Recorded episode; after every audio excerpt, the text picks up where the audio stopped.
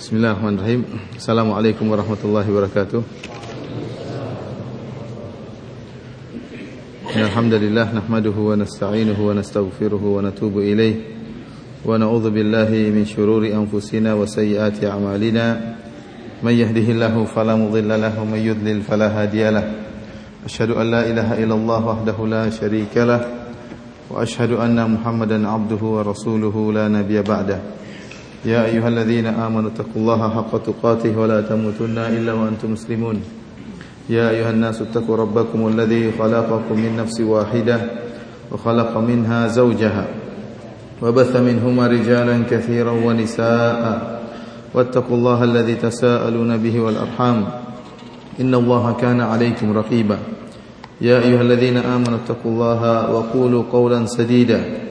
يصلح لكم أعمالكم ويغفر لكم ذنوبكم.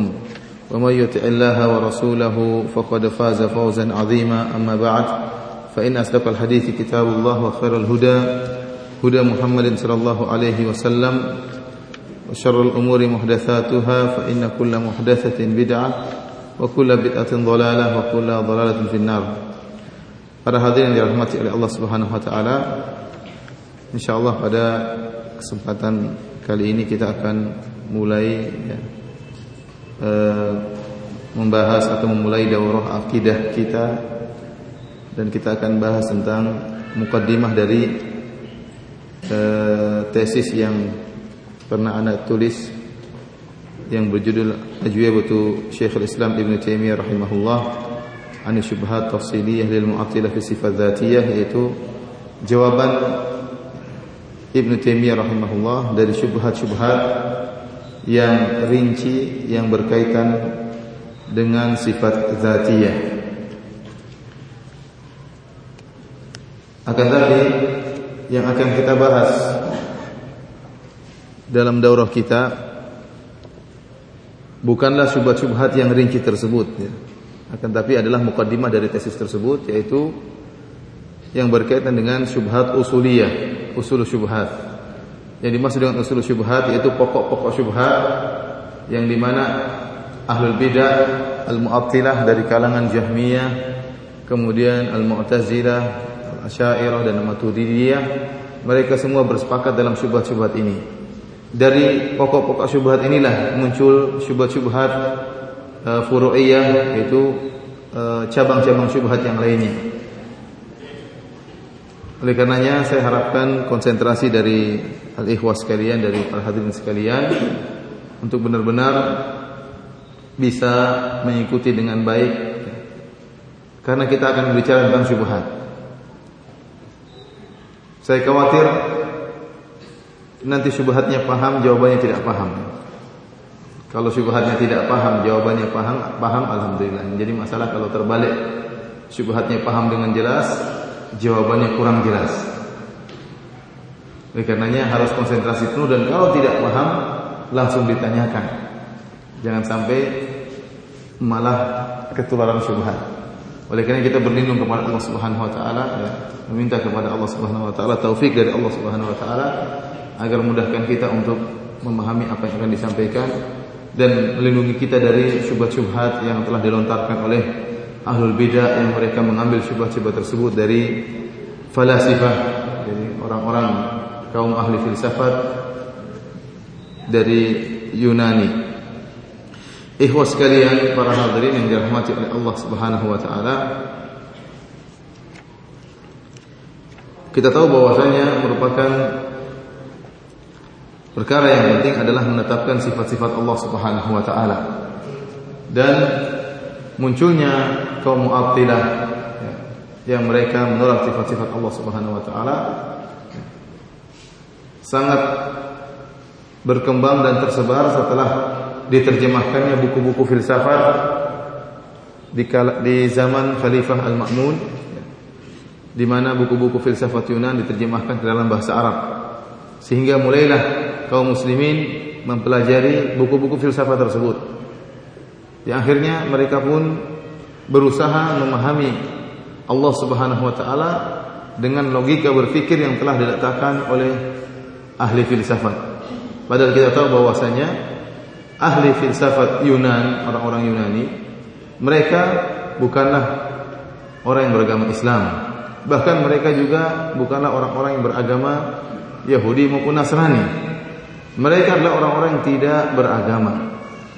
Dan mereka memang terkenal telah meletakkan dasar-dasar ilmu yang berkaitan dengan ilmu alam, ilmu fisika, ilmu kimia, ilmu kedokteran ya. Mereka orang cerdas. Akan tapi tatkala mereka mulai berbicara tentang masalah ketuhanan dengan mengkiaskan ya materi-materi dunia terhadap Allah Subhanahu wa taala, maka yang jadi adalah kekacauan. Karena pembicaraan tentang Allah Subhanahu wa taala, tentang Tuhan ya, butuh wahyu dari Allah Subhanahu wa taala, akal kita terbatas dan tidak bisa menembus hal-hal yang bersifat gaib, hal-hal yang bersifat gaib. Ikhwani fillah wa akhwati fid azani Allah wa iyyakum. Akhirnya muncullah kelompok Mu'attilah dari kalangan Jahmiyah dan kemudian yang sangat tersebar eh, pemikiran-pemikiran penolakan sifat disebarkan oleh kaum Mu'tazilah. Sehingga akhirnya puncak-puncak masa keemasan mereka itu di zaman uh, Al-Imam Ahmad tatkala Al-Imam Ahmad rahimahullah kemudian dipaksa untuk mengucapkan Al-Qur'an itu makhluk akan tapi beliau tidak mau mengucapkan hal tersebut. Sehingga beliau disiksa. Disiksa dicambuk sampai disebutkan bagaimana daging dari tubuh beliau terlepas akibat cambukan yang di yang dipukulkan kepada beliau Padahal kita tahu bahwasanya akidah Al-Quran itu makhluk merupakan akidah kekufuran. Mungkin kita bertanya-tanya, kok bisa mereka sampai mengatakan Al-Quran itu makhluk? Ini semua ada syubhatnya. Ini semua ada ada syubhatnya. Ada pokok syubhat yang menjadikan mereka mengucapkan demikian. Nanti insya Allah akan akan kita jelaskan. Hanya saya, saya ingin beri tanbih, beri peringatan pada kesempatan kali ini. Bahwasanya uh, keyakinan Al-Quran itu makhluk. Memberikan dampak-dampak yang sangat negatif ya. Sebagaimana yang saya dapati dari sepanjang yang saya baca. Di antaranya seperti yang disebutkan oleh Al-Imam Ibn Al-Qayyim rahimahullah dalam As-Sawa'iqul Mursalah di mana beliau menyebutkan bahwasanya sebagian a'immat Al-Asy'ariyah di antara imam-imam Asy'ariyah ada yang mereka meyakini bahwasanya Al-Quran itu adalah makhluk sehingga tatkala kita menyatakan Al-Quran itu makhluk, maka tidak perlu dihargai. Seorang boleh menginjak Al-Quran. Ya. Yang fatwa seperti ini pernah saya dengar dahulu waktu saya masih masih di Sorong, masih di Irian Jaya. Tatkala saya masih SMA, saya sudah mendengar ada fatwa seperti ini. Ada seorang ustadz yang berfatwa bahwasanya kalau kita ingin mengambil suatu barang di atas ternyata barangnya ketinggian, malah maka boleh kita menyusun Al-Quran untuk kita jadikan pijakan untuk kita ngambil barang. Kenapa kalau Al-Quran itu makhluk? Ternyata setelah saya baca kitab Suwaikul Mursalah, memang fatwa begini ada asalnya. Ada dahulu ulama-ulama yang sesat yang menyatakan demikian. Di antara juga seperti uh, dalil seperti ini dijadikan uh, kesempatan oleh orang-orang liberalisme untuk membenarkan pendapat mereka yaitu bebas dalam mentafsirkan. Sebelumnya saya akan jelaskan tentang akidah Jahmiyah, Mu'tazilah dan Asy'ariyah. Orang-orang orang-orang Mu'tazilah mereka meyakini bahwasanya kalamullah adalah makhluk. Al-Qur'an adalah makhluk. Adapun orang-orang Asy'ariyah dan Maturidiyah demikian juga Kullabiyah mereka meyakini bahwasanya Al-Quran itu makhluk juga. Mereka mengatakan Allah memiliki kalam, Allah memiliki sifat kalam, tetapi kalam Allah Subhanahu wa taala adalah kalamun nafsi. Kalamun nafsi yang dimaksud dengan kalamun nafsi yaitu perkataan Allah yang sejak zaman azali merupakan satu kesatuan yang tidak pernah berubah-ubah dan tidak akan pernah berubah sampai selamanya. Mereka menyatakan bahwasanya sifatul kalam itu sifat zatiyah sama seperti ya e, kalau kita meyakini misalnya kita mengatakan sifat wajah Allah. Kalau kita ahlu sunnah mengatakan wajah Allah adalah sifat zatiyah dan wajah Allah memang tidak pernah berubah ya.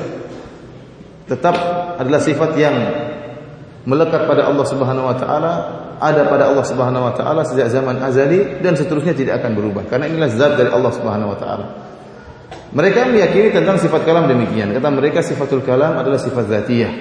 Bahwasanya Allah Subhanahu wa taala memiliki suatu sifat yang disebut sifatul kalam yang tidak berubah pernah berubah dari zaman azali dan seterusnya tidak akan berubah dan sifat kalam Allah Subhanahu wa taala tidak terdiri dari huruf dan juga tidak terdengar suaranya. Jadi tanpa suara dan tanpa huruf. Karena mereka mengatakan kalau Allah berbicara dengan huruf, dengan perkataan, dengan suara, maka kalamullah itu terbagi-bagi dan tidak merupakan satu kesatuan. Kalau kita mengatakan alif lam mim merupakan kalam Allah Subhanahu wa taala kata mereka ini menunjukkan adanya terpisah-pisahnya. Karena tatkala kita mengatakan alif lam mim, kita mengatakan alif dulu, baru kemudian lam, baru kemudian apa? Mim. Di mana huruf mim datang setelah lam dan lam datang setelah alif. Yang model seperti ini adanya terpisah-pisah, adanya yatajazza bagian-bagian. Ini tidak mereka terima dalam pembicaraan tentang zat Allah Subhanahu wa taala. Karenanya mereka mengatakan sifatul kalam bukan sebagaimana yang diyakini oleh Ahlussunnah. Ahlussunnah wal Jamaah mengatakan bahwasanya Allah berbicara dengan kalimat-kalimat dan huruf-huruf bahasa Arab ya yang Allah misalnya Al-Qur'an yaitu dengan kalimat-kalimat yang e, didengar dan Allah berbicara kepada siapa yang Allah kehendaki dan bagaimana cara Allah berbicara juga terserah Allah Subhanahu wa taala dan kapannya juga terserah Allah Subhanahu wa taala.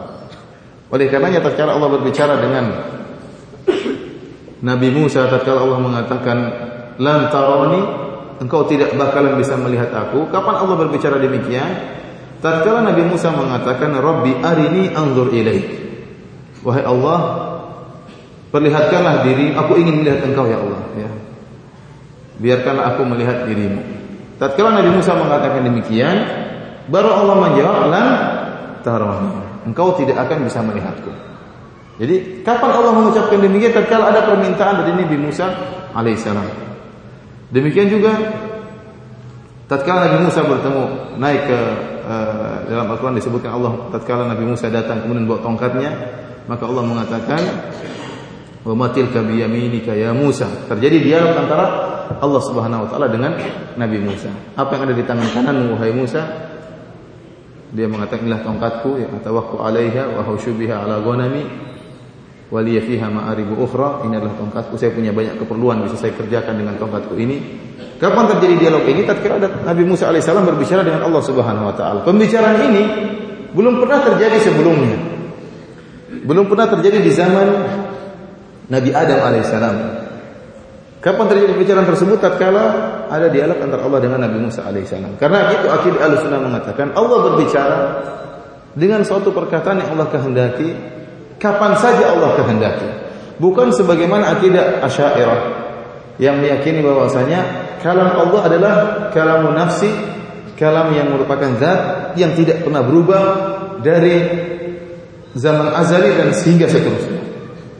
Sehingga seakan-akan Allah Subhanahu wa taala itu seperti seorang yang bisu yang dalam diri orang bisu tersebut kalamun nafsi dalam diri orang tersebut ada ungkapan-ungkapan makna-makna yang ingin dia bicarakan.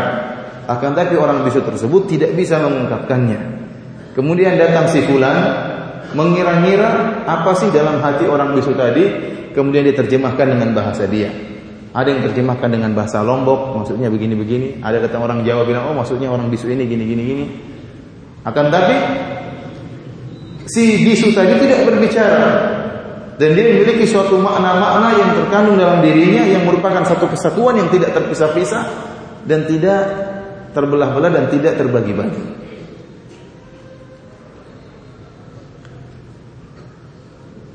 Oleh karenanya mereka mengatakan Al-Quran dan Taurat dan Injil satu maknanya. Semuanya kembali kepada kalamun nafsi. Kalam yang sifat kalam yang ada pada diri Allah Subhanahu wa taala. Tatkala diungkapkan dengan bahasa Arab jadilah Al-Qur'an. Tatkala diungkapkan dengan bahasa Yahudi jadilah Taurat. Tatkala diungkapkan dengan bahasa Ibrani jadilah Injil. Akan tapi Al-Quran, Injil dan Taurat sama-sama saja merupakan ungkapan dari kalamun nafsi yang ada pada diri Allah Subhanahu wa taala. Sampai di sini paham atau tidak?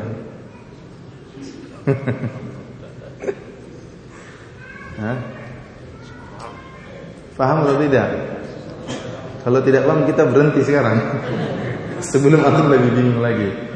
Antum tidak dituntut untuk memahami seperti ini. Hah? Paham atau tidak? Yang paham mengatakan ingin tahu, mau tes. Yang paham mengatakan satu, yang lain dua, yang lain kayaknya sedikit yang paham. Ikhwani fillah azza Kenapa mereka mengatakan kalamun nafsi? Nanti insya Allah akan kita bahas syubhat mereka. Anak sekarang, anak sekarang hanya menyebutkan tentang natijah ya hasil dari pemikiran yang dibangun atas syubhat-syubhat mereka. Oleh karena orang-orang Asy'ariyah mereka menyatakan bahwasanya Al-Qur'an yang kita baca ini bukanlah kalam Allah.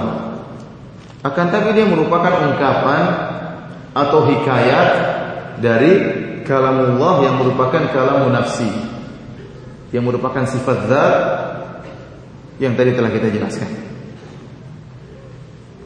Coba saya biar supaya saya lebih tenang yakin, pede dalam menyampaikan saya ingin tes. Siapa tadi yang bilang ngaku paham? Angkat tangan. Hah? Angkat tangan yang tinggi-tinggi. Coba antum ulangi tadi maksudnya apa kalau. Berdiri, berdiri biar yang lain bisa dapat faedah. Berdiri, berdiri.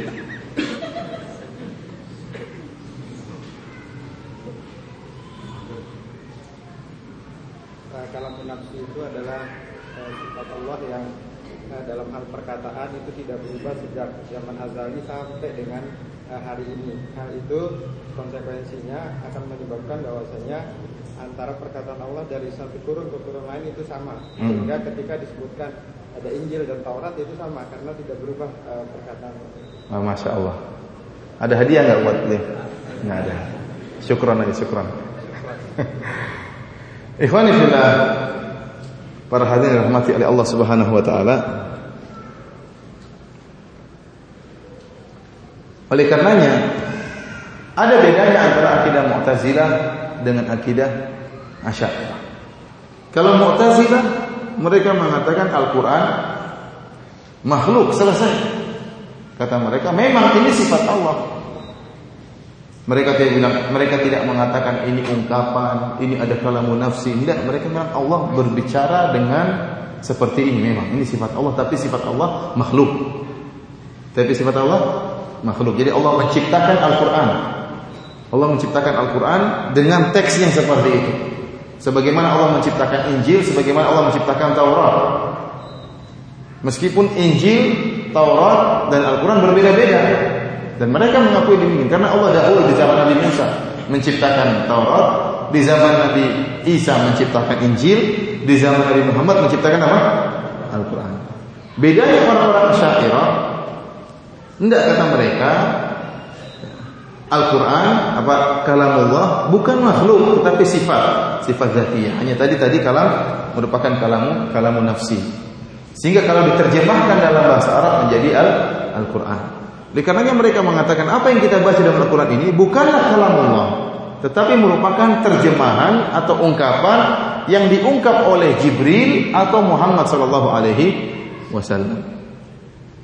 Mereka tidak akan mengatakan kalau Asy'ariyah yang benar-benar Asy'ariyah bukan hanya ikut-ikutan, benar-benar Asy'ariyah yang paham tentang usul akidah Asy'ariyah, mereka tidak berani mengatakan alif lam mim adalah kalamullah, enggak berani. Sehingga mereka mengatakan itu ungkapan. ungkapan dari kalamun nafs. Siapa yang mengungkapkan? Ada yang mengatakan Jibril, ada yang mengatakan siapa? Muhammad sallallahu alaihi wasallam. Gara-gara akidah seperti ini diambillah oleh orang-orang jil dan saya pernah baca tulisan mereka baru-baru saja tatkala mereka mengatakan bebas untuk menafsirkan Al-Qur'an. Mereka mengatakan, kalau Al-Qur'an saja merupakan ungkapan Muhammad, saya boleh dong mengungkapkan dengan bahasa saya. Paham? Boleh Quran ini dirubah-rubah sedikit gak jadi masalah. Toh ini hanyalah ung ungkapan. Ini dampak buruk dari apa? Keyakinan bahwasanya e, sifat Allah adalah adalah makhluk. Karena ikhwan fillah azani Allah wa yakum ya. Ini sekedar saya gambarkan tentang akibat buruk dari kerancuan berpikir tentang sifat-sifat Allah Subhanahu wa taala. Belum lagi kita melihat bagaimana kenyataan yang menimpa orang-orang yang belajar di IAIN, yang belajar ilmu filsafat, akhirnya mereka ragu dengan agama Allah Subhanahu wa taala. Bagaimana tidak ragu dengan agama Allah sedang mereka sendiri ragu tentang Allah Subhanahu wa taala. Mereka ragu tentang adanya Tuhan. Ya. Karena kerancuan ya, yang mereka dapatkan dan pokok-pokok pemikiran filsafat yang mereka pelajari sehingga mereka akhirnya ragu dengan adanya Allah Subhanahu wa taala. Kalau Allah saja mereka ragukan bagaimana dengan syariat Allah? Sehingga mereka akhirnya kalau berbicara tentang agama berbicara dengan seenaknya sendiri seakan-akan sebuah sebuah permainan yang mereka bisa mainkan masing-masing ya mengungkapkan apa yang dia kehendaki yang si A, si B dan seterusnya tanpa mereka punya rasa penghormatan terhadap agama Allah Subhanahu wa taala. Insya Allah pada kesempatan kali ini kita akan membaca mukaddimah yang tulis yang saya tulis tentang risalah atau tesis yang uh, eh, S2 yang pernah saya tulis dan akan tetapi saya hanya membaca cuplikan-cuplikan yang menurut saya penting karena saya dikasih waktu cuma tiga kali pertemuan kalau tidak salah ya. Ya tiga kali pertemuan ya. Ini sampai jam berapa nih? Maghrib jam berapa? Jam berapa? Setengah tujuh. Azan maghrib setengah tujuh. Azan maghrib enam? Enam lima belas. Enam lima belas. Baik, uh, semuanya punya bukunya ya. ya Sekarang kita mulai baca dari uh, halaman pertama. Fadhil.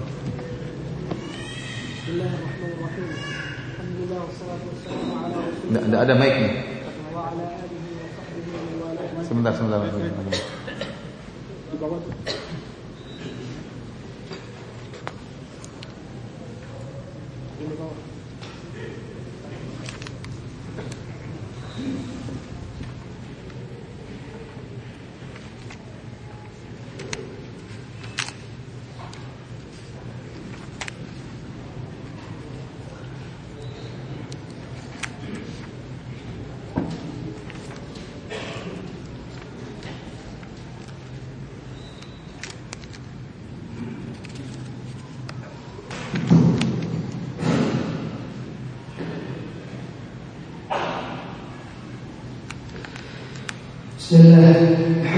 والصلاة والسلام على رسول الله.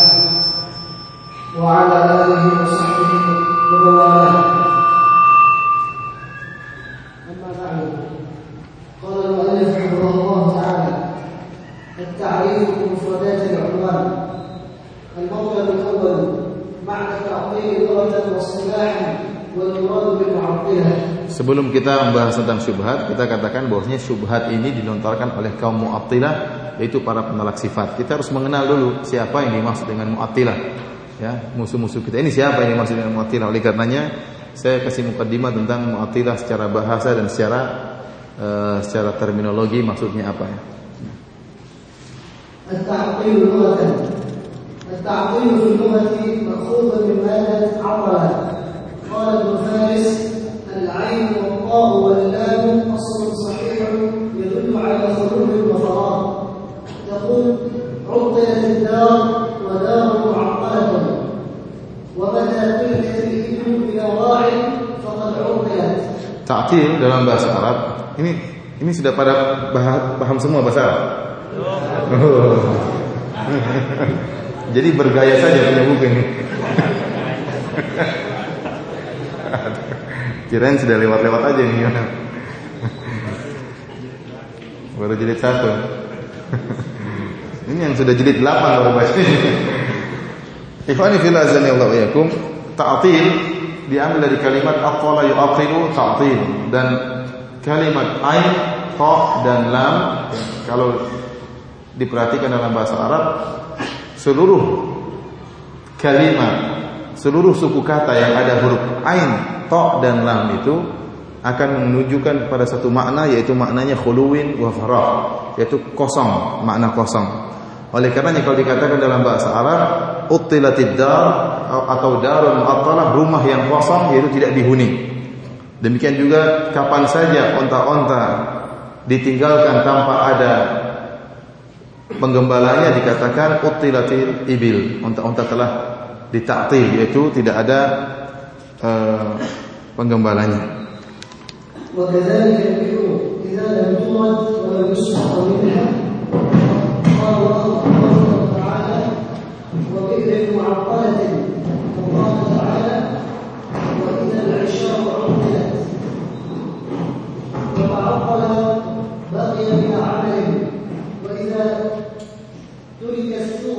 Sagro bila amin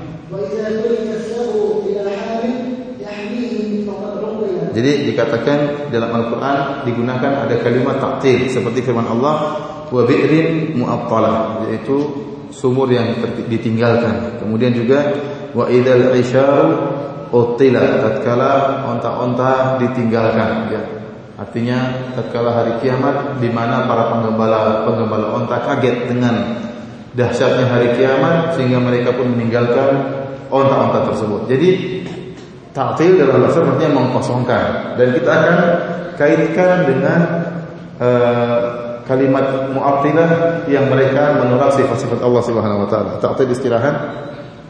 التعطيل اصطلاحا يتنوع تعريف التعطيل اصطلاحا في ابواب التوحيد حسب اقسام التوحيد الثلاثه فهناك تعطيل في الربوبيه وتعطيل في الالوهيه وتعطيل في الأسماء والصفات وقد أشار الإمام ابن القيم إلى هذه الأقسام الثلاثة في قوله وأصل الشرك وقاعدته التي يرجع إليها هو التعطيل وهو ثلاثة أقسام تعطيل المصنوع عن صانعه وخالقه Adapun ta'til dalam tauhid terbagi menjadi tiga macam ya. Ta'til dalam tauhid rububiyah, ta'til dalam tauhid al-uluhiyah dan ta'til dalam tauhid asma sifat. Ta'til dalam tauhid rububiyah yaitu ta'tilul masnu' an sani'ihi wa khaliqihi. Yaitu menyatakan bahwasanya masnu' al makhluk ya, makhluk itu kosong dari peran e, kosong dari pencipta. Jadi tidak ada yang menciptakan makhluk tersebut. Ini ta'til dalam tauhid rububiyah sebagaimana e, sebagian fisikawan, orang-orang ahli fisika yang mereka berusaha membuat teori-teori tentang terciptanya alam semesta ini tanpa ada peran Tuhan. Yang mereka ingin menyatakan bahwa alam semesta terjadi dengan sendirinya, dengan tiba-tiba, kebetulan, tanpa ada yang mengatur, tanpa ada zat lain, tanpa ada Tuhan yang berperan dalam penciptaan alam semesta itu.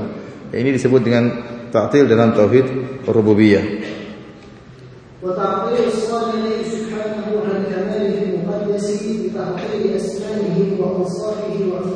Adapun ta'til dalam asma wa sifat yang akan kita bahas dalam kajian-kajian kita yaitu mengkosongkan Allah Subhanahu wa taala dari sifat-sifat Allah yang sempurna. Caranya bagaimana? Dengan menolak nama-nama Allah Subhanahu wa taala atau menolak sifat-sifat Allah Subhanahu wa taala atau menolak af'al Allah Subhanahu wa taala. Dan inilah yang akan kita bahas pada uh, kajian-kajian kita.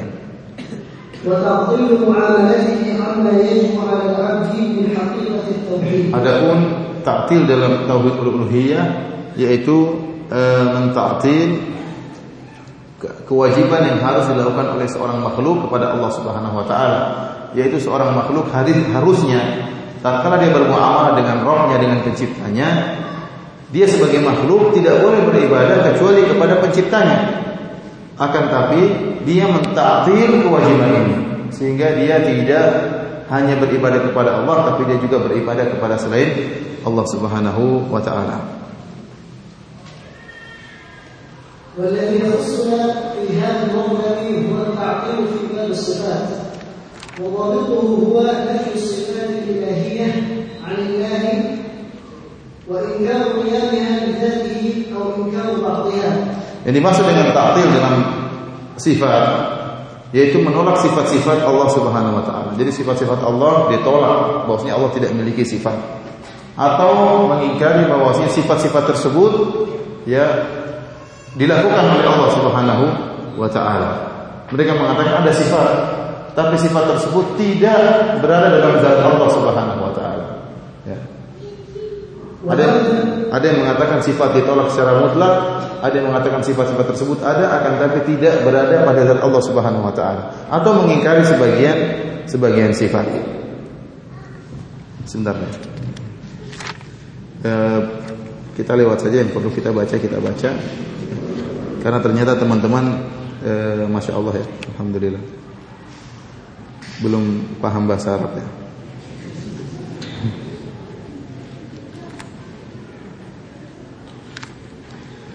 Kita sekarang mengenal tokoh-tokoh Al-Mu'attilah ya. Coba buka halaman 7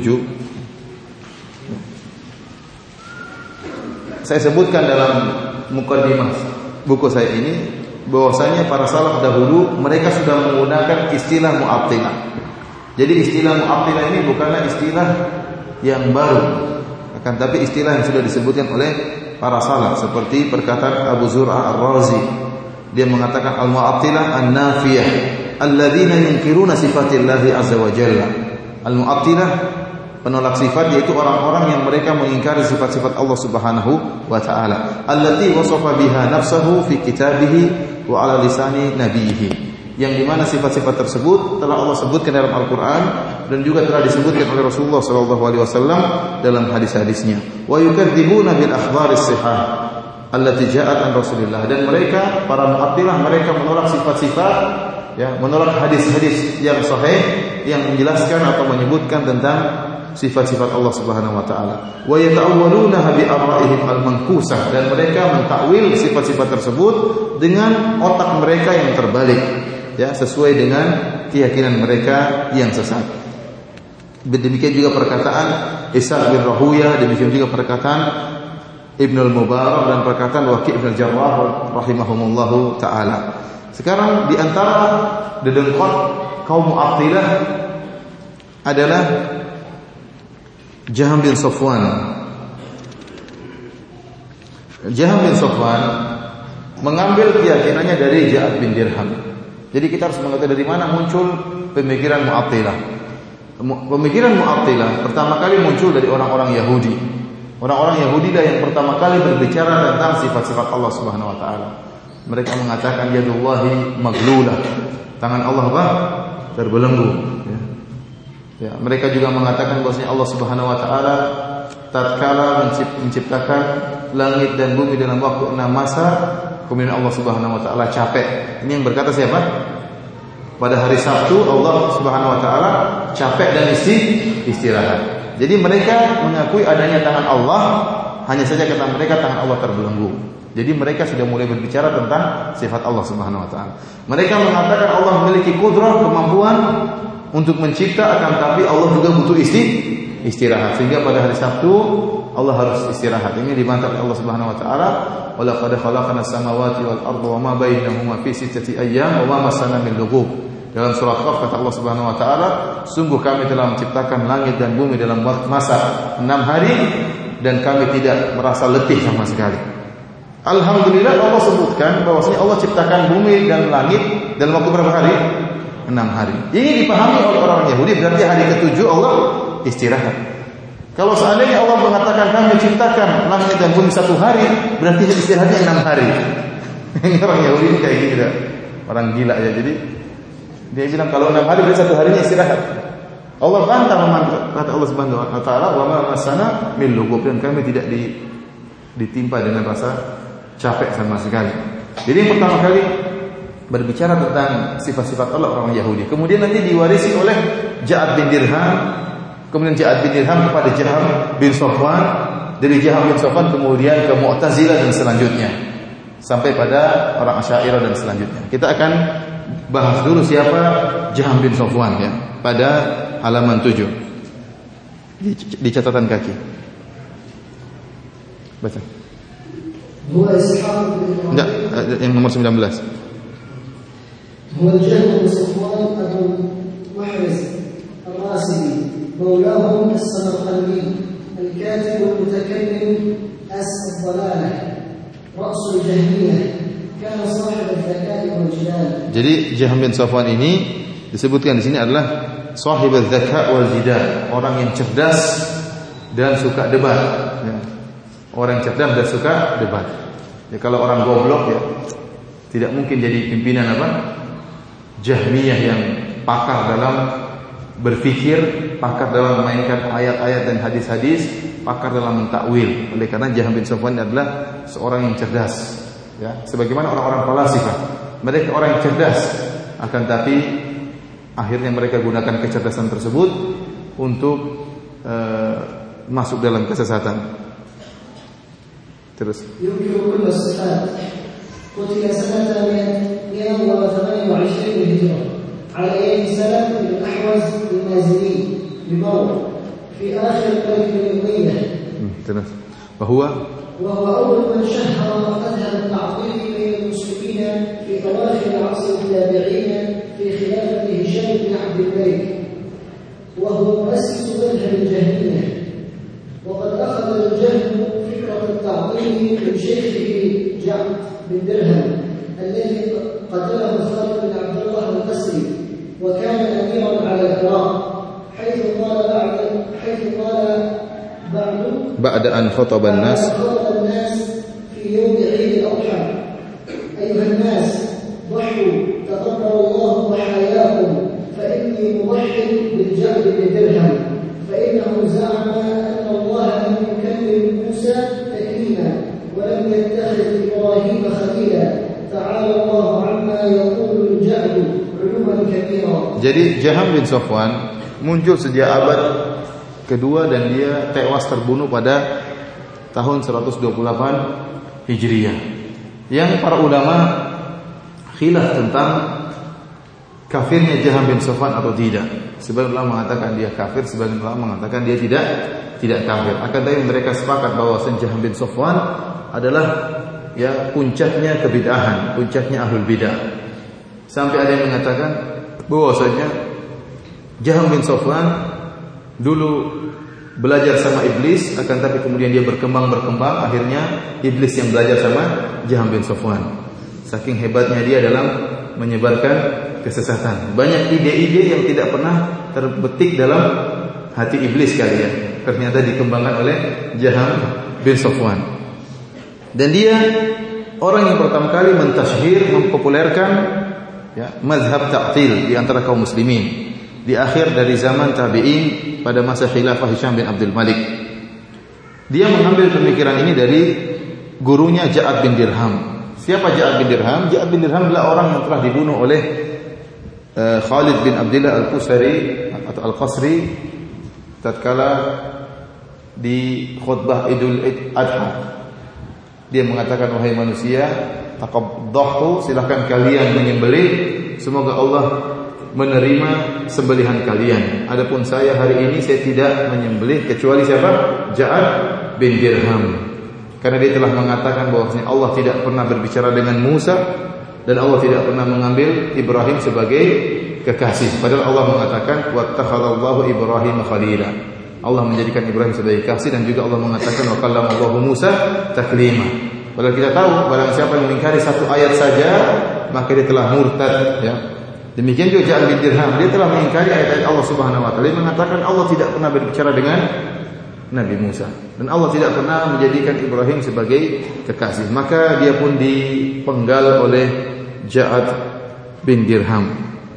Terus ثم نزل فذبحه في أصل المنبر فكان ضحيا وقد ذكر بعض المؤرخين أن الجهل لقي الجهل في الكوفة جعفر بن اميه وكان جعفر كما ذكر الكثير أقام بدمشق حتى أظهر المولى بخلق القرآن. فطلبته بنو أمية فهرب منهم فسكن الكوفة. فلقيه فيها. فلقيه فيها جعفر بن صفوان فتقلد هذا القول منه Jadi Ja'ad bin Irham yang sempat lari dari Bani Umayyah sehingga sampai pada negeri Kufah. Dan di situlah dia bertemu dengan Jaham bin Sofwan. Ya, dan Ja'ad bin Dirham tatkala itu telah menyuarakan pendapat bahwasanya Al-Qur'an itu makhluk. Akhirnya tatkala bertemu dengan Jaham bin Sofwan, maka Jaham bin Sofwan pun mengambil pemikiran tersebut dari Ja'ad bin Dirham. Hanya saja Ja'ad bin Dirham tidak terkenal. Dia begitu muncul ditangkap disembelih. Ya, adapun Jaham bin Jaham bin Sofwan dialah yang mengembangkan pemikiran Ja'ad bin Dirham dan menyebarkan pemikiran Ja'ad bin Dirham. Adapun Ja'ad bin Dirham dari mana dia mengambil pemikiran ta'til?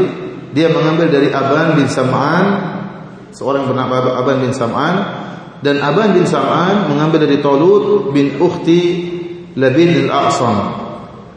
Dan Talut mengambil pemikiran tersebut uh, dari Labid bin A'sam itu seorang Yahudi yang pernah menyihir Nabi Shallallahu Alaihi Wasallam dan ini disebutkan oleh beberapa ulama sejarah seperti Syekhul Islam Ibn Taimiyah, demikian juga As-Safadi, demikian juga Ibnu Al-Athir dan Ibnu Katsir. Jadi mereka mengatakan bahwasanya Ja'ad bin Dirham ini telah mengambil silsilah pemikirannya ternyata bersumber dari orang-orang Yahudi. Ya. Jadi dari sini kita tahu bahwasanya pemikiran penolakan sifat itu dari orang Yahudi, kemudian turun kepada Ja'ad bin Dirham, kemudian dari Ja'ad bin Dirham turun kepada Jaham bin Sofwan. Coba buka uh, halaman 11 dibaca. Wa yustafadu wa yustafadu min hadhihi al-athari al-thalathah anna anna anna mu'attal أن lafz al-mu'attili أن لفظ المعطل عندهم يشمل الطائفتين. الأولى أهل التعطيل الكلي وهذا ظاهر جدا حيث أن كلامهم وذمهم يتوجه ابتداء إلى المعطلة الذين أدركوهم وهم الجهمية والمعتزلة.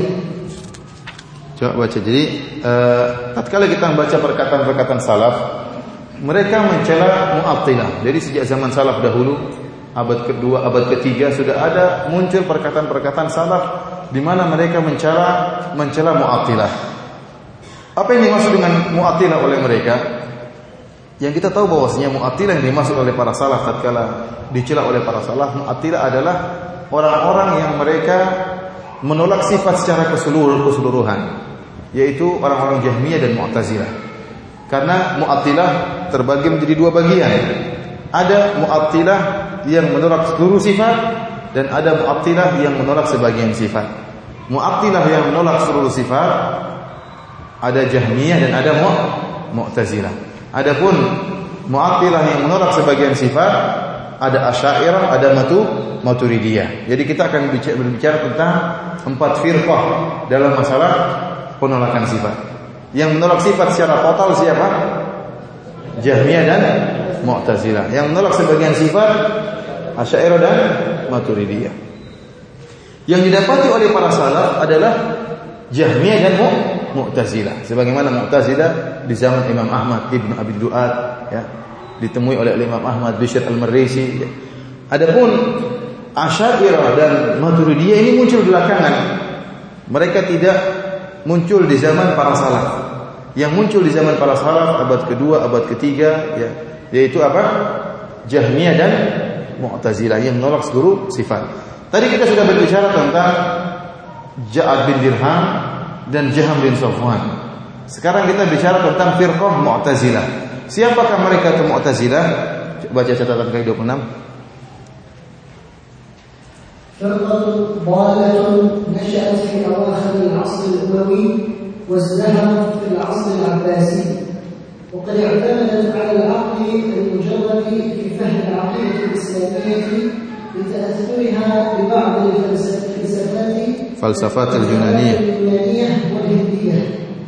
برزت المعتزلة كفرقة فكرية على يد واصل بن عطاء الغزال.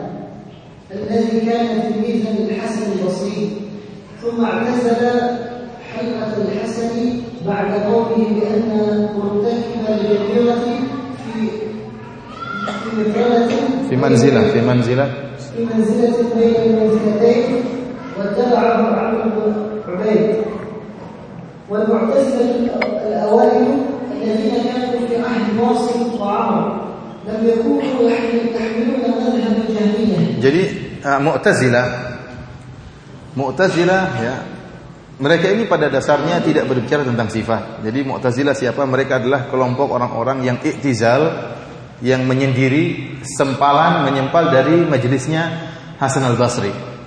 Tatkala Hasan al-Basri berbicara tentang pelaku dosa besar, di mana Hasan al-Basri menyatakan bahwasanya sebagaimana akidah al-sunnah bahwasanya orang melakukan dosa besar, maka dia masih seorang muslim. Ya. Dan dia ya tahta masyiatillah ya, bisa jadi Allah ampuni dosa-dosanya, bisa jadi Allah mengazab, mengazab dia. Hal ini tidak disetujui oleh murid-murid Hasan Al-Basri. Di antara murid-murid Hasan Al-Basri adalah Wasil bin Atha Al-Ghazzal. Tatkala Hasan Al-Basri lagi ceramah, dia pun bikin kelompok sendiri. Dia bikin kelompok sendiri karena tidak setuju dengan pendapat Hasan Al-Basri. Kata dia bahwasanya murtakibul kabirah fi manzilatin bainal manzilatain. Ini pelaku dosa besar berada di antara dua tempat tidak dikatakan muslim, tidak dikatakan kafir, tapi di suatu tempat perantara. Bukan muslim, bukan juga kafir. Kalau kita harus senang enggak? Pelaku dosa besar muslim, tetap muslim, belum kah? Belum kafir. Selama dia tidak melakukan kufuran, dia masih seorang muslim. Hanya saja keimanannya sangat lemah ya karena dia melakukan dosa besar dan dia terancam dengan adab di neraka jahanam akan tapi dia bukanlah orang orang kafir. Inilah madhab yang di di, dipeluk oleh Wasil bin Atha dan Amr bin Ubay yang asalnya mereka adalah murid-murid dari Hasan al Basri. Kemudian setelah itu berkembang. Tadinya mereka tidak berbicara tentang sifat-sifat Allah Subhanahu wa taala. Inilah Mu'tazilah. E, Mu'tazilah di awal-awal kemunculan mereka, mereka tidak berbicara tentang sifat-sifat Allah Subhanahu wa taala. Setelah itu, mereka terpengaruh dengan pemikiran Jaham bin Sofwan. Terus baca innama innama kanu yatakallamuna bil wa'id wa inkar al-qadar wa innama hadatha fihi nafyu sultati ba'da hadha ولهذا لما ذكر الإمام أحمد بن حنبل في رده على الجهمية قول جهم قال فاتبعه قوم من أصحاب عمرو بن عبيد وغيره واشتهر هذا القول عند ابن هذيل والنظام؟ العلاف والنظام واشباهه من أهل الكلام. Jadi uh, adapun Wasil bin Atha dan Amr bin Ubaid mereka tidak berbicara tentang sifat-sifat Allah Subhanahu wa taala. Yang mereka ingkari hanyalah masalah al-wa'id, tentang masalah hukum orang yang melakukan dosa besar. Kafir atau tidak kata mereka di antara dua dua tempat. Akan tapi orang seperti ini pelaku dosa besar akan kekal dalam neraka jahanam selama-lamanya. Jadi mereka mengatakan mazhab Mu'tazilah mereka mengatakan pelaku dosa besar bukanlah muslim, bukanlah kafir. Akan tapi di akhirat nasibnya sama dengan orang kafir. Sama-sama kekal di di neraka. Akan tapi nerakanya khusus, tidak sama seperti neraka orang kafir. Namun sama-sama kekal, ya. Namun sama-sama kekal. Jadi nerakanya masih mending dibandingkan nerakanya orang kafir. Akan tapi natijahnya hasilnya sama-sama kekal. Di antara kerusakan mereka, mereka juga mengingkari takdir. Kata mereka e, tidak ada takdir Allah Subhanahu wa taala tidak pernah mentakdirkan keburukan. Allah tidak pernah mentakdirkan keburukan dan Allah tidak pernah menghendaki adanya keburukan. Yang menghendaki keburukan adalah makhluk itu itu sendiri dan ini insya Allah akan kita kalau ada waktu akan bahas pada pengajian secara khusus tentang akidah mereka tentang takdir. Kemudian muncul murid-murid mereka, muridnya Wasil bin Atha dan Amr bin Ubaid terpengaruh dengan pemikiran Jaham bin Safwan. Oleh karenanya kata Al-Imam Ahmad wa fattaba'ahu qaumun min ashabi Amr bin Ubaid wa ghairihi. Akhirnya Jahab bin Safwan ini diikuti oleh murid-muridnya atau para pengikut Wasil bin Atha dan Amr bin Ubaid maka berkembanglah pemikiran ta'til pengingkaran sifat pada kaum Mu'tazilah. ومذهب التعطيل ومذهب التعطيل لم يكن مشتهرا في مرحلة دعوة الجهم إلا في المشرق وإنما قويت شوكته بعد مقتل الجهم بن صفوان وازدادت شهرته على أيدي من اعتنق هذا المذهب كبشر المريسي وعلى أيدي وعاد المعتزلة كأحمد بن أبي وغيرهما في عهد المأمون Jadi Mu'tazilah eh, mazhab ta'til dahulu tidak terkenal, tidak tersohor ya, yang dibawa oleh Jaham bin Safwan. Kapan mazhab ini tersebar? Tatkala Jaham bin Safwan sudah tewas. Oleh karena hati-hati ikhwan, kalau seorang melakukan bid'ah, bisa jadi dia sudah tewas, belum terkenal bid'ahnya, sesudah dia tewas baru bid'ahnya apa ter terkenal. Demikian juga kata kala antum mendakwahkan sunnah, bisa jadi sunnah tersebut tidak tersebar. Antum sudah tewas dulu baru sunnahnya apa? tersebar. Antum lihat Syekhul Islam Ibnu Taimiyah ya. Rahimahullah, mazhabnya menjadi sangat masyhur belakangan. Dia dulu terkenal memang tapi tidak kemudian tersebar dengan begitu hebatnya seperti sekarang ini kecuali setelah beliau meninggal rahimahullah. Demikian juga dikatakan bagaimana Syekh Nasir Sa'di dahulu tidak begitu tersohor, menjadi sangat tersohor akibat muridnya siapa? Syekh Muhammad bin Saleh Al-Utsaimin. Satu saja muridnya bikin beliau apa? tersohor. Ini Syekh Muhammad bin Shalih Utsaimin akhirnya karena terkenalnya Syekh Muhammad bin Shalih Utsaimin maka kemudian gurunya pun ikut ikut terkenal ya. Demikian juga bid'ah seorang bisa jadi membuat bid'ah, dia sudah tewas ternyata bid'ahnya setelah itu tersebar sebagaimana yang dialami oleh Jaham bin Safwan. Dia tidak berhasil Jaham bin Safwan dahulu. Dia tidak begitu terkenal. Namun kapan terkenal dia setelah dia tewas. Kemudian pemikiran dia dikembangkan oleh Bishr al-Marisi seorang Jahmiyah dan juga dikembangkan oleh Ahmad bin Abi Du'ad dari kalangan Mu'tazilah dan seterusnya dibawa oleh orang-orang Mu'tazilah. Oleh karenanya kita dapati pemikiran Mu'tazilah sama Jahmiyah sama dalam masalah sifat. Apa bedanya Jahmiyah dengan Mu'tazilah? Kalau Jahmiyah, Jahmiyah menolak nama-nama Allah dan juga menolak sifat-sifat Allah. Kata mereka Allah tidak punya nama dan Allah tidak punya sifat. Tidak boleh kita menamakan Allah dengan Al-Ghafur, tidak boleh. Tidak boleh kita menamakan Allah dengan Al-Alim, tidak boleh. Tidak boleh kita menamakan Allah dengan As-Sami' Al-Basir, tidak boleh. Kenapa? Karena kalau kita menamakan Allah dengan nama-nama tersebut sama dong dengan makhluk. Makhluk juga ada yang namanya Sami, Alim, ya, Pemaaf, Ghafur. Oleh karena kita tolak nama-nama Allah Subhanahu wa taala. Adapun Mu'tazilah, Mu'tazilah mereka menetapkan nama-nama Allah Subhanahu wa taala. Mereka hanya menolak sifat-sifat Allah. Jadi mereka sepakat dengan Jahmiyah dalam hal menolak sifat-sifat Allah. Kata mereka tidak ada satupun sifat-sifat Allah Subhanahu wa taala karena kalau menetapkan sifat akan melazimkan tasbih dan juga melazimkan kesyirikan. Kok bisa demikian? Nanti akan kita nanti akan kita bahas tentang syubhat syubhat mereka. Oleh karenanya pemikiran Mu'tazilah sama dengan pemikiran Jahmiyah sama-sama menolak sifat, hanya saja Jahmiyah lebih jantan di mana dia menolak bukan cuma sifat tapi nama-nama pun di ditolak. Nama-nama pun di ditolak. Enggak, waqat as-salat terusnya halaman berikutnya. Waqat as-salat al-Mu'tazilah di tengah. Di halaman 13 di tengah-tengah. وقد أصلت المعتزلة خمسة أصول ما أنزل الله بها من سلطان ومع أنها أمور باطلة أطلقوا عليها أسماء أسماء براقة أسماء براقة لينخدئ بها الناس بها الناس وهي Mu'tazilah mereka punya usul dikenal dengan lima pokok usul dikenal dengan usul al-usul al-khamsah lima pokok akidah oleh karenanya Al-Qadhi Abdul Jabbar punya buku judulnya Syarah Al-Usul Khamsah, penjelasan tentang lima pokok akidah. Jadi mereka punya Pancasila. Kalau kita sering usul salasa, qaidul arba'ah, mereka juga punya panca Pancasila. Ini semua Pancasila ini batil, rusak semuanya. Hanya saja mereka namakan dengan nama-nama yang indah. Yang kalau orang pertama kali lihat tuh mantap sekali nih Pancasila ini. Ternyata isinya merupakan kebatilan. Contoh mereka menamakan sila pertama dengan at-tauhid. Sila pertama apa? Tauhid. Sila kedua keadilan. Sila ketiga ya, janji dan ancaman Allah Subhanahu wa taala, al-wa'd wal wa'id. Sila keempat al-manzilah bainal manzilatain. Sila kelima adalah al-amr bil ma'ruf wa nahyu 'anil munkar. Nama-nama yang indah, tauhid, keadilan, janji dan ancaman Allah Subhanahu wa taala, manzilah di antara dua tempat, di antara dua tempat, amar ma'ruf nahi munkar. Akan tapi setelah kita cek lima sila tersebut ternyata isinya kebatilan. Yang dimaksud dengan tauhid adalah menolak seluruh sifat.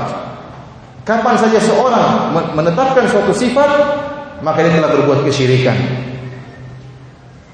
Karena bisa demikian nanti kita bahas. Ini syubhat nanti ya. Intinya mereka mengatakan siapa saja yang menetapkan sifat, dia telah terjerumus dalam kesyirikan. Oleh karenanya tauhid maksudnya apa? Maksudnya menolak seluruh sifat. Keadilan. Apa itu adil kata mereka? Adil dengan mengingkari takdir. Kalau Allah mentakdirkan si fulan masuk neraka, kenapa Allah mengazab dia? Ini tidak adil.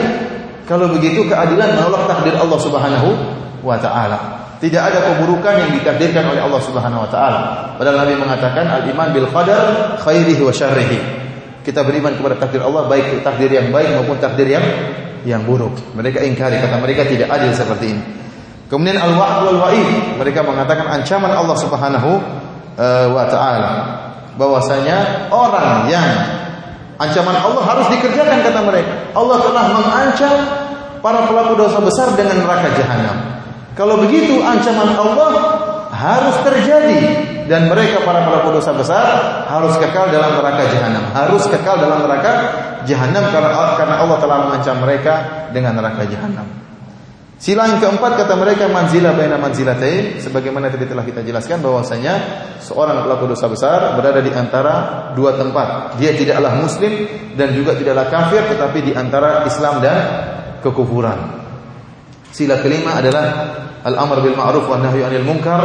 Kita harus bernahi munkar maksudnya kita harus memberontak kepada pemerintah yang zalim. Kita harus memberontak kepada pemerintah yang zalim yang akidah ini mereka ambil dari orang-orang Khawarij. Bahwasanya pemerintah yang zalim itu harus wajib untuk diingkari, harus khuruj alal hukam. Taib.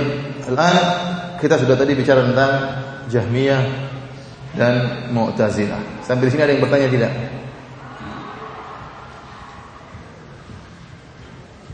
Ada yang bertanya? Kalau tidak ada kita lanjutkan. Sekarang kita berbicara tentang Asy'ariyah dan Maturidiyah. Asy'ariyah dan Maturidiyah halaman 14. Baca amma وأما أهل التعطيل الجزئي كالأشاعرة والماتريدية فإنما ظهروا بعدهم Adapun adapun uh,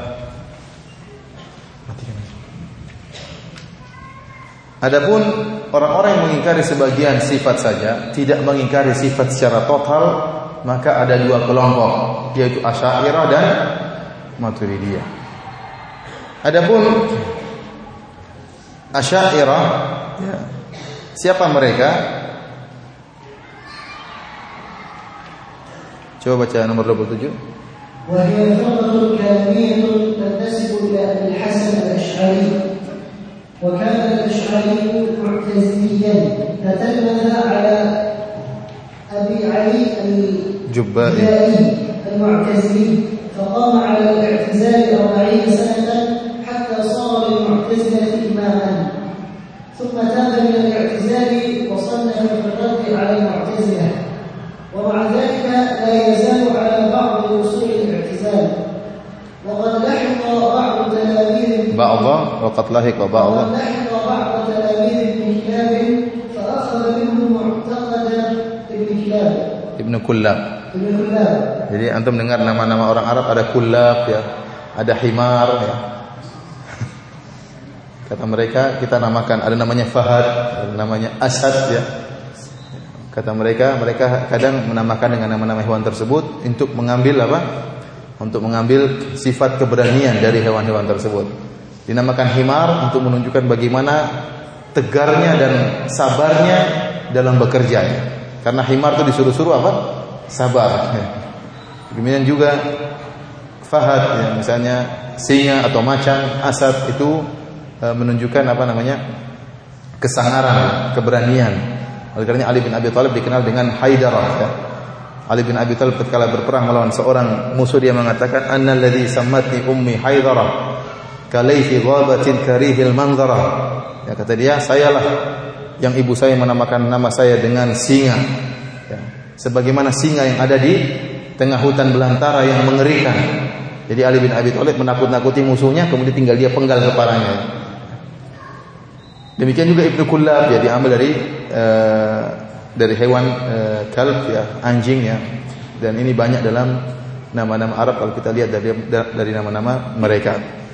Kita kembali kepada apa yang dimaksud Asy'ariyah. Jadi uh, sebelum Asy'ariyah dan jadi kita bilang ada pertama Jahmiyah, kemudian apa? Mu Mu'tazilah. Kemudian apa? Asy'ariyah dan Matu Maturidiyah. Ada namanya kelompok namanya Kullabiyah. Muhammad bin Sa'id bin Kullab. Kullabiyah ini mirip dengan Asy'ariyah al mutaqaddimun, Asy'ariyah yang pemula yang awal-awal. Asy'ariyah siapa mereka? Asy'ariyah adalah suatu firqah yang sekarang tersebar ya di dunia ini termasuk di tanah air kita. Mereka mengaku-ngaku bermadzhab Asy'ariyah dan Asy'ariyah adalah suatu firqah yang dinisbahkan kepada Imam Abdul Hasan Al-Asy'ari rahimahullah. Al-Imam Abdul Hasan Al-Asy'ari rahimahullah ya. Yang kalau tidak salah di akhir abad ketiga hidup beliau dan sempat juga abad keempat. Beliau ini pernah belajar akidah Mu'tazilah selama 40 tahun dari seorang bernama Al-Jubba'i ya, yang bernama Abu Ali Al-Jubba'i. Kalau tidak salah Abu Ali Al-Jubba'i ini adalah suami ibu bapak tirinya. Kalau tidak salah bapak tirinya Abu Hasan Al-Asy'ari, suami dari ibunya. Oleh karenanya Abu Hasan Al-Asy'ari menimba ilmu dari sang tokoh Abu Ali Al-Jubba'i selama 40 tahun tentang akidah Mu'tazilah. Akan tapi kemudian Abu Hasan Al-Asy'ari bertemu dengan sebagian murid dari Ibnu Kullab. Ibnu Kullab ini dia memiliki akidah yang masih lebih baik. Dia menetapkan sifat-sifat zatiyah. Adapun sifat-sifat fi'liyah dia tolak. Nanti akan kita bahas apa itu zatiyah fi'liyah. Sifat-sifat zatiyah seperti sifat wajah, dua tangan, kemudian mata, sifat tinggian al-ulu. Dia tetapkan semua sifat-sifat ini. Sifat fi'liyah dia tolak seperti kalam Allah yang Allah berbicara dengan huruf dan suara ini ditolak oleh dia.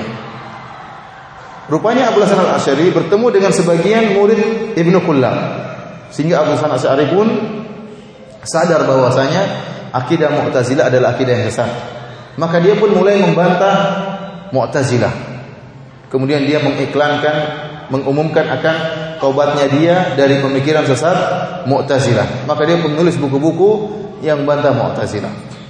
Oleh karena para ulama khilaf tentang kondisi Abu Hasan al-Asy'ari. Apakah Abu Hasan al-Asy'ari ini melewati tiga masa ataukah dua masa?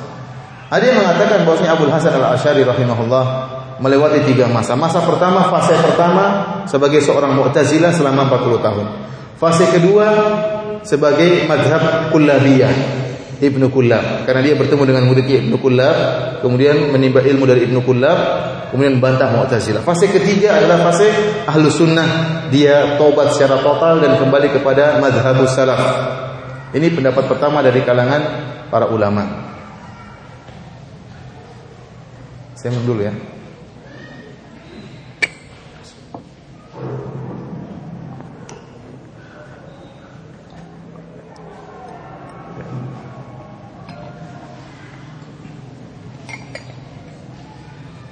Pendapat kedua dari kalangan para ulama bahwasanya Ibnu Kul uh, Abdul Hasan Al-Asy'ari rahimahullah hanya melewati dua dua fase. Fase pertama adalah fase Mu'tazilah dan fase kedua adalah fase fase kullabiyah sehingga dia tidak kembali kepada sunnah secara total. Dan inilah pendapat yang dipilih oleh Ibnu Taimiyah rahimahullah bahwasanya meskipun Abu Hasan Al-Asy'ari sudah berusaha kembali kepada sunnah, akan tapi masih tersisa sedikit pemikiran Mu'tazilah yang masih bercokol pada diri Abu Hasan Al-Asy'ari. Dan ini pendapat yang lebih kuat berdasarkan uh, apa yang kita dapat dari buku-buku Abu Hasan Al-Asy'ari yang beliau tulis di akhir hayatnya. Akan tapi akidah Abu Hasan Al-Asy'ari ya, dalam buku-bukunya di akhir hayatnya banyak mendukung akidah ahlu sunnah wal jamaah dalam masalah ru'ya, melihat Allah subhanahu wa ta'ala. Ya. ya banyak sifat-sifat yang dia tetapkan membantah Mu'tazilah. Jadi beliau ini berusaha untuk kembali kepada sunnah, akan tapi masih ada sisa-sisa pemikiran Mu'tazilah yang masih bercokol pada dirinya.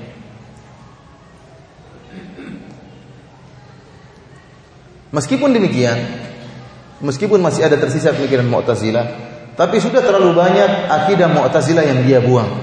Oleh karena kita dapati Abu Hasan Asy'ari dalam buku-bukunya seperti Al-Ibanah, dia menetapkan Al-Ibanah an Syariatid Diyanah, dia menetapkan adanya sifat al-ulu, sifat tinggi, sifat al-istiwa, kemudian sifat kedua tangan, sifat uh, mata Allah Subhanahu wa taala. Ini ditetapkan oleh Abu Hasan Asy'ari. Oleh karena kalau kita ingin bantah orang-orang Asy'ariyah zaman sekarang yang mereka menolak sifat-sifat Allah, kita katakan pendapat kalian bertentangan dengan pendapat siapa? Nenek moyang kalian. Siapa? Abu Hasan Al-Asy'ari. Ini terdapat dalam buku-buku mereka. Akhirnya apa yang mereka lakukan? Kata mereka bahwasanya buku Al-Ibanah an Syariatid Diyanah bukunya tidak sah dari Abu Hasan Al-Asy'ari. Itu buku tidak benar dari Abu Hasan Al-Asy'ari. Kita bilang taruhlah demikian. Taruhlah bahwasanya buku tersebut bukan karya Abu Hasan Al-Asy'ari. Tapi Abu Hasan Al-Asy'ari punya buku yang disepakati oleh para ulama bahwa itu merupakan buku Abu Hasan Al-Asy'ari. Contohnya buku Maqalatul Islamiyin. Jadi Abu Hasan Al-Asy'ari punya dua buku. Satu judulnya Maqalatul Islamiyin wa Ikhtilafil Musallin dan yang kedua Maqalatu Ghairul Islamiyin. Pemikiran-pemikiran orang Islam dan buku yang kedua pemikiran orang-orang kafir. Akan tapi buku Maqalat Ghairul Islamiyin pemikiran orang kafir ini tidak ditemukan ya tidak ditemukan nuskhahnya sehingga tidak ada sampai sekarang. Yang ada sekarang yang dicetak sampai sekarang yaitu maqalat al-islamiyin, pemikiran-pemikiran orang-orang Islam ya. Di situ dia menyebutkan tentang firqah-firqah dari Syiah, Khawarij, Mu'tazilah ya dan seterusnya dia sebutkan. Dalam buku tersebut dia benar-benar memerinci bagaimana akidah Mu'tazilah dan dia bantah pemikiran Mu'tazilah karena dia sudah sangat pengalaman dengan akidah Mu'tazilah. Selama 40 tahun belajar akidah Mu'tazilah. Oleh karena tatkala dia membantah dan merinci pemikiran Mu'tazilah sangat detail. Dia sebutkan bagaimana rincian firqah-firqah Mu'tazilah. Mu'tazilah ter terdiri dari beberapa firqah dia sebutkan semuanya. Pemikiran mereka secara detail satu persatu dia sebutkan dalam kitabnya Maqalatul Islamiyin. Dan dalam bukunya tersebut dia menyebutkan madhabu ahli hadis. Madhabnya ahli hadis, madhabnya ahli sunnah. Dan dia menetapkan tentang sifatnya, sifat al-ulu, sifat tinggi, sifat istiwa, sifat tangan. Dia sebutkan dalam bukunya tersebut. Ini tidak bisa diingkari oleh orang-orang asyairah zaman sekarang. Demikian juga misalnya kitabnya Risalah ila Ahli Thagar. Dia sebutkan tentang ijma-ijma salaf. Di antara dia mengatakan para salaf tentang setelah ijma bahwasanya Allah berada di atas langit. Dan ini diingkari oleh orang-orang Asy'ariyah zaman sekarang. Oleh karena di antara cara untuk membantah orang-orang Asy'ariyah yang mengingkari sifat-sifat seluruhnya kecuali tujuh sifat, kita katakan bahwasanya nenek moyang kalian Abu Hasan Al-Asy'ari menetapkan banyak sifat. Menetapkan banyak banyak sifat. Karenanya muncul yang namanya Al-Asy'ariyah Al-Mutaqaddimun dan Al-Asy'ariyah Al-Mutaakhirun. Kelompok Asy'ariyah terbagi menjadi dua. Ada namanya Asy'ariyah mutaqaddimun, Asy'ariyah awal pemula yang dari Abu Hasan Al-Asy'ari dan murid-muridnya. Murid-murid Abu Hasan Al-Asy'ari. Akidah mereka mereka menetapkan sifat-sifat Allah Subhanahu wa taala yang zatiyah. Tetapi mereka menolak sifat-sifat fi'liyah. Oleh karena di antara sifat-sifat zatiyah yang ditetapkan oleh orang-orang Asy'ariyah al-mutaakhirun ya, seperti sifatul ulu, sifatul kalam, ya, sifatul wajah, sifatul yadain. Ini ditetapkan oleh orang-orang Asy'ariyah, gembong-gembong Asy'ariyah yang pemula, mutaqaddimun. Datang Asy'ariyah mutaakhirin yang dipimpin oleh Ar-Razi dan yang lainnya, mereka menolak seluruh sifat kecuali itu tujuh.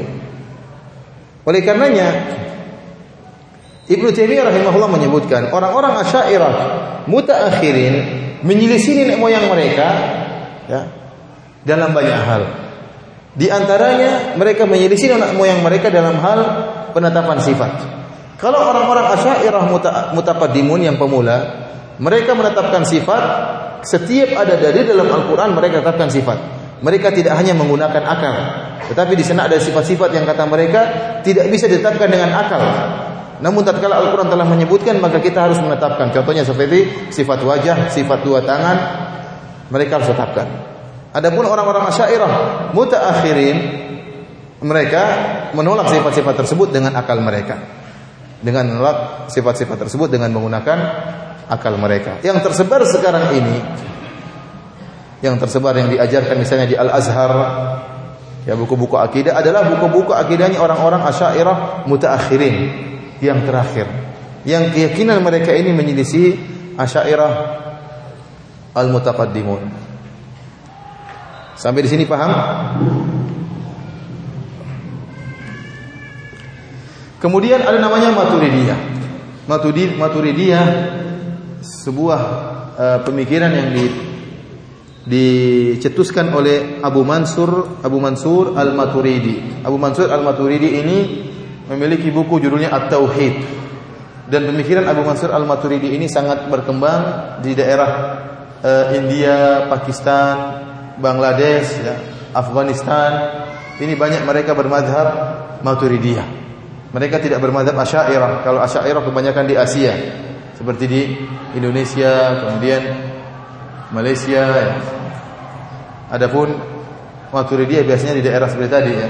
India, Pakistan, Bangladesh, kemudian Afghanistan. Di sana berkembanglah pemikiran Maturidiyah. Maturidiyah didirikan oleh Abu Mansur Al-Maturidi yang meninggal pada tahun 333 Hijriah.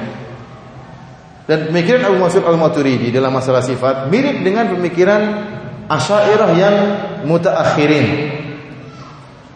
Kalau orang-orang Asy'ariyah mutaakhirin menolak seluruh sifat kecuali tujuh, kalau Abu Mansur Al-Maturidi mengatakan seluruh sifat ditolak kecuali delapan, ada tambahan sah, satu dengan namanya sifat takwin.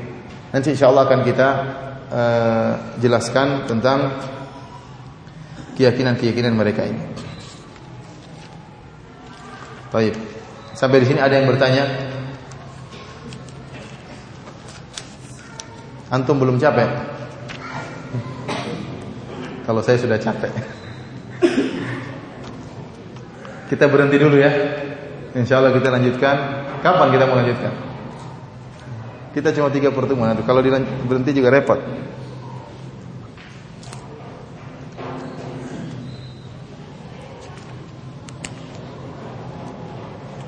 Mau lanjut? Hmm?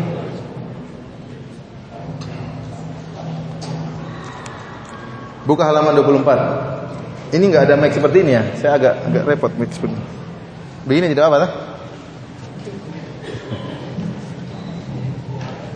Coba buka halaman 24. Judul tesis saya adalah Ajwibat Syekhul Islam Ibn Taimiyah an uh, Asyubhat At-Tafsiliyah lil mu'attilah fi sifat dzatiyah. Jawaban-jawaban Ibnu Taimiyah rahimahullah dari syubhat-syubhat yang terperinci tentang sifat dzatiyah yang dilancarkan oleh atau dihembuskan oleh orang-orang mu'attilah, kaum mu'attilah. Jadi yang saya tampilkan dalam tesis saya hanyalah syubhat-syubhat yang berkaitan dengan sifat dzatiyah, bagaimana menolak sifat dzatiyah. Adapun sifat fi'liyah maka ini dalam karya ilmiah yang lain. Ceritanya dahulu saya mengajukan proposal kepada Kisim Akidah tentang syubhat-syubhat. Tatkala itu saya sangat bersemangat.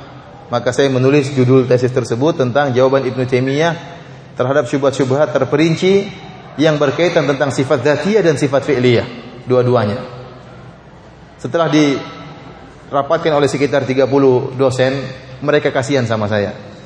Ini kebanyakan nanti nggak sempat selesai dia bahas. Akhirnya saya diberikan salah satunya katanya tinggal tinggal pilih Firanda mau yang syubhat sifat dzatiyah atau syubhat sifat fi'liyah. Akhirnya saya memilih yang lebih mudah yaitu syubhat sifat dzatiyah. Karena sifat fi'liyah lebih sulit pembahasannya. Ya. Alhamdulillah saya dulu dikasih keringanan ya. ya. Itu saja sudah capek ditulis ya. Apalagi kalau ditulis dua dua-duanya mengingat waktu yang terbatas dan akal yang terbatas dan otak yang terbatas sehingga sulit untuk bisa menulis dua-duanya dengan baik. Oleh karenanya kita perlu tahu apa bedanya antara sifat zatiyah dan sifat fi'liyah. Karena sifat-sifat terbagi menjadi dua, yaitu sifat fi'liyah dan sifat zatiyah. Uh, silakan baca halaman 24. Iya, nah, matlab tsalits. المطلب الثالث تقسيم الصفات وتعريفها لم يكن السلف يتوسعون في تقسيم الصفات وتنويعها إذ ليس من عاداتهم الإسراف في الكلام في المطالب الإلهية بل لا يكادون يتجاوزون الكتاب والسنة في مباحث الصفات في مباحث الصفات. لكن بما خاض لما لما خاض المتكلمون في صفات الله وأولوها وأولوها وعقلوها وقسموها على أقسام ما أنزل الله بها من سلطان. اضطر علماء أهل السنة لتقسيم الصفات Sungguhnya pembagian sifat itu tidak dikenal di kalangan salaf. Tidak ada seorang sahabat pun mengatakan ini sifat dzatiyah, ini sifat fi'liyah, tidak ada. Dan tidak pernah diucapkan oleh para tabi'in. Akan tapi kapan muncul pembagian sifat menjadi sifat dzatiyah, sifat fi'liyah? Karena akibat ulah ahlul bidah yang mereka sebagian mereka menolak sifat dzatiyah dan menolak sifat fi'liyah. Contohnya seperti kullabiyah, mereka menolak sifat fi'liyah tetapi mereka menerima sifat dzatiyah. Demikian juga Asy'ariyah al-mutaqaddimun demikian juga mereka menerima sifat dzatiyah dan mereka menolak sifat fi'liyah. Akhirnya ulama ahlu sunnah terpaksa membuat kaidah-kaidah untuk memudahkan kita mempelajari akidah yang benar dan dalam rangka untuk membantah mereka, untuk membantah mereka. Padahal pembagian tersebut Asalnya tidak ada, ini hanyalah metode untuk memudahkan kita memahami akidah yang benar. Sebenarnya akidah asli Islamiyah adalah akidah yang mudah. Apa akidah tentang tauhid uluhiyah? Gampang, tinggal tidak beribadah kecuali kepada Allah. Apa tauhid rububiyah? Yakin bahwa segala sesuatu yang menciptakan alam semesta, yang mengatur alam semesta, yang melihara alam semesta hanyalah Allah Subhanahu wa taala. Tauhid asma sifat menetapkan seluruh sifat-sifat Allah Subhanahu wa taala tanpa menyamakan sifat Allah tersebut dengan dengan makhluk. Mudah. Mudah. Akan tapi menjadi sulit pembahasan asma wa sifat menjadi sulit tatkala ada syubhat. Semakin sulit apa? Karena ada syubhat yang datang. Pertama kita harus paham syubhat tersebut itu bagaimana. Yang kedua bagaimana membantah syubhat syubhat tersebut. Jadilah para ulama membuat kaidah-kaidah yang banyak agar kita tidak salah paham dan tidak terjebak dengan pemikiran-pemikiran al bidah. Seperti Syekh Utsaimin membuat buku Al-Qawaidul Muthla, kaidah-kaidah yang berkaitan dengan sifat. Sebenarnya tidak perlu dahulu. Namun menjadi perlu dan harus kita pelajari tatkala sudah tersebar bid'ah tentang sifat-sifat Allah Subhanahu wa taala. Demikian juga para ulama sebelumnya Ibnu Qayyim dan Ibnu Taimiyah rahimahullah. Baik, wa sifatullah وصفات الله عز وجل يمكن تقسيمها إلى ثلاثة تقسيمات. أولا من حيث استثباتها ونفيها فهي تنقسم إلى قسمين الصفات الثبوتية والصفات السلبية. ثانيا ثم إن الصفات الثبوتية من حيث تعلقها بذات الله وأفعاله تنقسم إلى ثلاثة أقسام الصفات الذاتية والصفات الفعلية والصفات الذاتية الفعلية ثالثا وتنقسم الصفات من حيث أدلة ثبوتها إلى قسمين الصفات العقلية السمعية والصفات الخبرية النقلية السمعية Pembagian sifat bisa ditinjau dari tiga tinjauan. Tinjauan pertama sifat ditinjau dari penetapan dan penafian. Maka ada dua model sifat. Ada sifat-sifat yang ditetapkan, ada sifat-sifat yang dinafikan. Kemudian sifat-sifat juga bisa dibagi ditinjau dari hubungannya dengan zat Allah Subhanahu wa taala. Ini bisa menjadi tiga, ada namanya sifat zatiyah, ada namanya sifat fi'liyah, ada namanya sifat zatiyah fi'liyah. Dan yang ketiga, sifat-sifat ditinjau dari cara penetapan, dalil-dalil yang menetapkan sifat tersebut. Maka bisa menjadi dua, ada sifat akliyah sam'iyah, ada namanya sifat khobariyah. Ini pembagian-bagian sifat. Namun yang kita mau bahas sekarang ada pembagian jenis kedua, tinjauan kedua yaitu pembagian sifat ditinjau dari hubungannya dengan zat Allah Subhanahu wa taala. Baca. Walladhi yakhussuna والذي يخصنا بتفصيله في هذا المولد التفصيل الثاني وهو تفصيل الصفات الثبوتية من حيث تعلقها بذات الله وأفعاله وهي كما سبق تنقسم إلى ثلاثة أقسام. القسم الأول الصفات الذاتية المحضة وضابطها هي التي لا تنفك عن الذات أو التي لم يزل ولا يزال الله متصفا بها. ومنها الوجه واليدان والعينان والأصابع والقلم والحياة والقدرة والعزة. القسم الثاني الصفات الفعلية المحضة. وضابطها هي التي تتعلق بالمشيئة والقدرة. ومنها الاستواء. فلا ريب أن وجود كونه تعالى مستويا على عرشه مشروط بوجود العرش. فاستواؤه تعالى على على العرش إنما يكون بعد خلقه للعرش. فالله استوى على العرش بعد أن لم يكن مستويا عليه ويقال مثل ذلك في الصفات الذاتية المحضة الأخرى.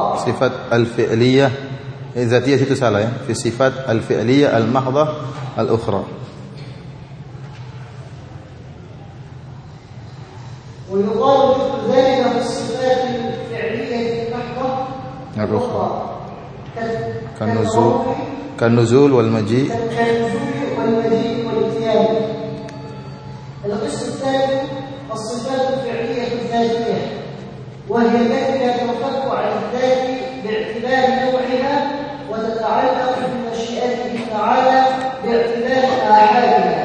Ikhwani fillah azza wa iyyakum. Sifat ditinjau dari ini anak harap eh, dipahami dengan baik karena ini adalah landasan yang paling awal untuk membantah usul syubhat orang-orang ahlul bidah tentang pembagian sifat. Sifat zatiyah. Apa yang dimaksud dengan sifat zatiyah? Adalah sifat yang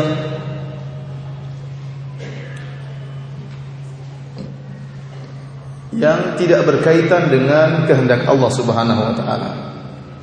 Semua sifat-sifat Allah itu sudah berada bersama Allah di zaman azali, di zaman azali.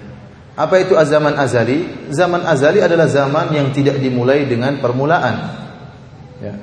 Kata orang, Allah itu ada sebelum perkataan ada itu ada dan Allah tetap akan ada meskipun perkataan tidak ada sudah tidak ada. Jadi Allah itu ada sebelum perkataan itu ah sebelum perkataan ada itu ada. Jadi zaman azali adalah zaman yang tidak dimulai dengan permulaan. Dan dahulu Allah bersendirian tidak ada makhluk dalam hadis yang diriwayatkan oleh Imam Al-Bukhari kata Nabi sallallahu alaihi wasallam kana Allah wa lam yakun syai'un ghairuhu. Dahulu Allah bersendirian tidak ada sesuatu pun yang bersama dengan Allah Subhanahu wa taala. Baru kemudian Allah Subhanahu wa taala menciptakan makhluk Allah Subhanahu wa taala. Allah Subhanahu wa taala di zaman azali, di zaman yang tanpa permulaan, Allah Subhanahu wa taala sudah ada bersama dengan sifat-sifatnya. Sifat-sifat zatiyah ya. Seperti wajah Allah Subhanahu wa taala, dua tangan Allah Subhanahu wa taala, yang sifat-sifat ini tidak berkaitan dengan kehendak. Bukan berarti kalau nak berkaitan dengan kehendak terkadang Allah kerjakan, terkadang Allah tidak tidak kerjakan. Kita tidak bisa mengatakan terkadang Allah punya wajah, terkadang Allah tidak punya wajah. Tidak. Tapi Allah senantiasa di zaman azali dan seterusnya memiliki wajah. Ini disebut dengan sifat zatiyah yang tidak berkaitan dengan kehendak. Kalau berkehendak lain kita bilang misalnya mencipta atau memberi rezeki, kita bilang sifat fi'liyah. Terkadang Allah memberi rezeki, terkadang Allah tidak memberi rezeki. Allah memberi rezeki kepada si fulan, terkadang Allah tidak memberi rezeki kepada dia. Ini berkaitan dengan kehendak. Adapun sifat zatiyah tidak berkaitan dengan kehendak. Ini namanya sifat zatiyah mahdhah. Murni sifat zatiyah. Di sana ada namanya sifat fi'liyah mahdhah. Sifat yang murni merupakan sifat fi'liyah. Di sana ada namanya sifat zatiyah mahdhah yang ketiga. campuran antara zatiyah dan fi'liyah. Ditinjau dari satu sisi merupakan zatiyah dan ditinjau dari sisi yang lain merupakan fi'liyah. Contohnya apa? Contohnya adapun sifat fi'liyah mahdhah yang murni merupakan sifat fi'liyah, contohnya seperti sifatul istiwa. Allah Subhanahu wa taala dahulu tidak istiwa. Kapan Allah bisa istiwa? Kapan Allah istiwa? Setelah menciptakan arsy. Setelah menciptakan apa? Arsy. Kalau sudah ada arsy baru ada istiwa. Sedangkan Allah menciptakan arsy saja belum tentu langsung tidak langsung istiwa. Setelah Allah berkehendak untuk istiwa di atas arsy, baru kemudian Allah beristiwa di atas arsy. Ini namanya sifat fi'liyah berkaitan dengan kehendak Allah Subhanahu wa taala. Di sana ada jenis sifat ketiga yang ini merupakan jenis yang sangat penting yang membedakan antara Ahlussunnah dengan Mu'attilah. Itu yang disebut dengan sifat dzatiyah fi'liyah sifat zat dan juga sekaligus merupakan sifat fi'liyah. Contohnya seperti sifat Maha Pencipta. Maha apa? Maha Pencipta. Allah perhatikan baik-baik jangan sampai salah paham. Atau kita tunda besok aja. Hah? Sudah capek anak ya? Masya Allah, jazakallah khair. Kayaknya yang lain tidak paham, antum saja yang paham.